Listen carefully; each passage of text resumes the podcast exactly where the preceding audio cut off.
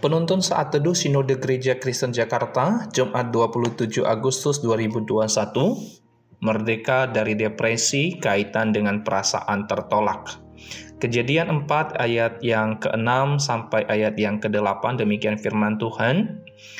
Firman Tuhan kepada Kain, "Mengapa hatimu panas dan mukamu muram? Apakah mukamu tidak akan berseri jika engkau berbuat baik? Tetapi jika engkau tidak berbuat baik, dosa sudah mengintip di depan pintu, ia sangat menggoda engkau, tetapi engkau harus berkuasa atasnya." Kata Kain kepada Habel adiknya, "Marilah kita pergi ke padang." Ketika mereka ada di padang, tiba-tiba Kain memukul Habel adiknya itu lalu membunuh dia.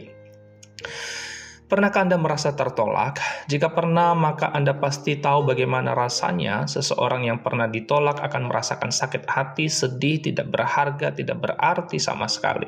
Perasaan itu akan mengaruhi identitas dirinya, relasinya dengan orang lain, baik di rumah, di sekolah, di tempat kerja, di gereja, dan di masyarakat. Seorang profesor psikologi yaitu Geraldine Downey menyebutkan bahwa penolakan dapat membuat seseorang merasa tidak dicintai atau tidak diinginkan dan tidak dihargai. Oleh sebab itu, penolakan dapat membuat seseorang mengalami depresi. Kain mengalami perasaan tertolak. Dia mempersembahkan korban kepada Allah, namun Allah tidak mengindahkan korban bakarannya, bukan karena Allah pilih kasih, tetapi karena Kain memberikan korban dengan hati yang tidak benar. Bagi Kain yang terpenting adalah memberikan korban persembahan di permukaan saja.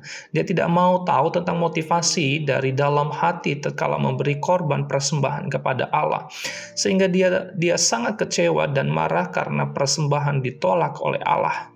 Dia merasa tidak dihargai, tidak dicintai, tidak berarti. Perasaan marahnya digambarkan seperti air yang baru saja mendidih. Artinya hatinya dikuasai oleh kobaran api kemarahan. Kain menolak untuk meredakan kobaran api kemarahannya itu. Malah dia membiarkan itu membakar hati dan pikirannya, kemudian dilampiaskan dengan membunuh adiknya sendiri. Kain mengabaikan peringatan dari Allah Padahal peringatan itu sangat baik baginya, supaya dia dapat meredahkan kobaran api kemarahannya dan pelan-pelan ia kemudian mudah menerima nasihat dari Allah. Peringatan dan nasihat dari Allah bisa menolong Kain meredakan merdeka dari depresinya akibat perasaan tertolak. Namun dia mengabaikan hal itu. Bandingkan dengan Raja Daud yang pernah mengalami penolakan, tidak dianggap, tidak diperhitungkan, tetapi Daud berkata, Sekalipun ayah dan ibuku meninggalkan aku, namun Tuhan menyambut aku. Mazmur 27 ayat yang ke-10. Jelas sekali bahwa pemazmur tidak membiarkan hatinya dikuasai oleh kobaran api kemarahan karena ditolak, melainkan dia menyerahkan hatinya dikuasai oleh kasih Tuhan. Mungkin kita pernah mengalami perasaan tertolak dari siapa pun, kita merasa sangat sedih, sakit hati, tidak berharga, tidak berarti sama sekali. Namun, jika perasaan itu terus menguasai hati kita, maka kita akan cepat dikuasai oleh kobaran api kemarahan.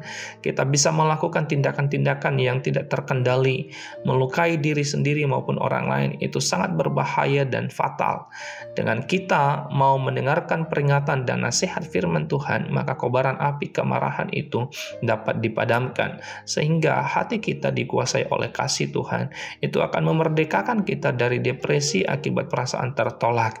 Kita akan mudah mengampuni dan mengasihi siapa pun.